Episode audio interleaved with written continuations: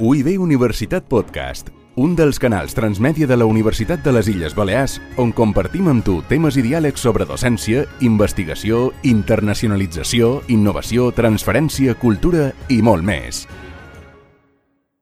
En aquesta entrevista, el podcasters Antoni i Isabel expliquen la seva experiència en l'elaboració de podcast, procediment, dispositius i aparells, programari i aplicacions i plataformes per distribuir-los. Bon dia, Antoni. Em pots contar què necessit per començar a elaborar els meus podcasts? I quins dispositius utilitzes tu per elaborar-los? Hola! Duc a terme tot el procés d'elaboració del podcast des d'un telèfon mòbil en sistema operatiu iOS, un iPhone. De totes maneres, amb un mòbil Android podries fer tot el procés de la mateixa manera. I fas servir altres aparells? Utilitzes el micròfon i l'altaveu del telèfon? Bé, sempre que puc, faig servir els auriculars de mans lliures que em varen arribar amb el telèfon, tot i que de vegades també faig servir un, uns altres auriculars sense fill que tinc. D'acord. I a més del telèfon mòbil i els auriculars, quin programari o quines apps utilitzes? Per fer el meu podcast, per gravar els àudios amb el meu telèfon Android, faig servir l'aplicació nativa de notes de veu, que em permet gravar, interrompre la gravació i reprendre-la tot d'una o més endavant en un altre moment. Amb aquesta app de notes de veu puc editar l'àudio, si cal. Em puc tallar una part inicial o final, puc gravar a sobre de la gravació i puc sobrescriure i continuar gravant. Aquesta app també serveix per posar un nom a l'arxiu. Isabel, és convenient instal·lar-se cap aplicació al mòbil? Si és així, quina app ens recomanaries? Sí, que és convenient, perquè de vegades les aplicacions que venen per defecte als mòbils són limitades.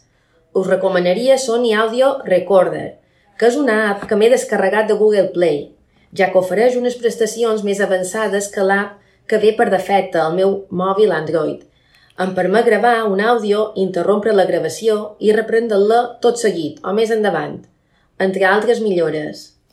Perfecte. I abans de començar a gravar, us feu un guió del que heu de dir? Sí, si volem transmetre continguts importants o complexos, és convenient fer un guió escrit d'allò que volem dir i de la manera com volem fer-ho. Així ens asseguram que la informació arriba de manera clara i ben estructurada. El guió ha de recollir l'ordre de les idees, els punts que volem tractar-hi i la durada aproximada. A més, és recomanable incloure-hi una introducció breu del que es vol explicar al podcast i per acabar fer un resum dels continguts que s'han enregistrat. En els cas dels guions de les entrevistes, cal enumerar les preguntes que volem plantejar a la persona entrevistada.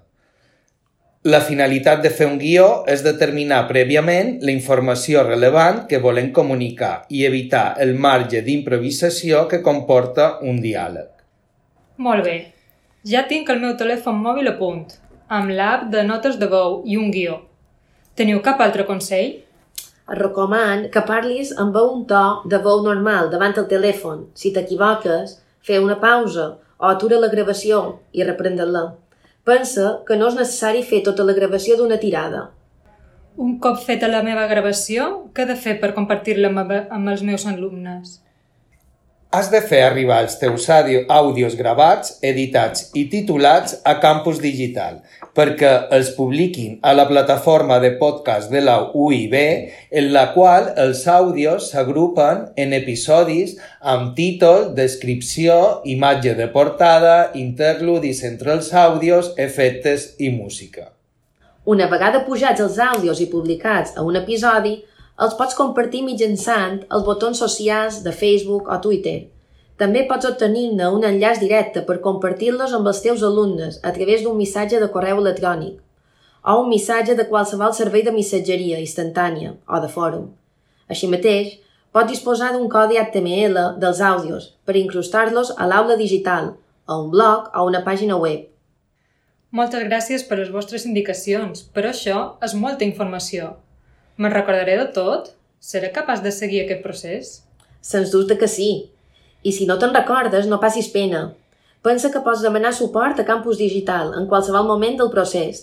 T'assessoraran sobre indicacions tècniques i estratègies d'ús.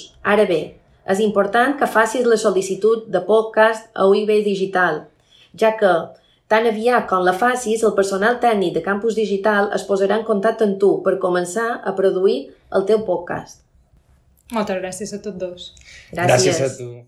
UIB Universitat Podcast, un dels canals transmèdia de la Universitat de les Illes Balears on compartim amb tu temes i diàlegs sobre docència, investigació, internacionalització, innovació, transferència, cultura i molt més.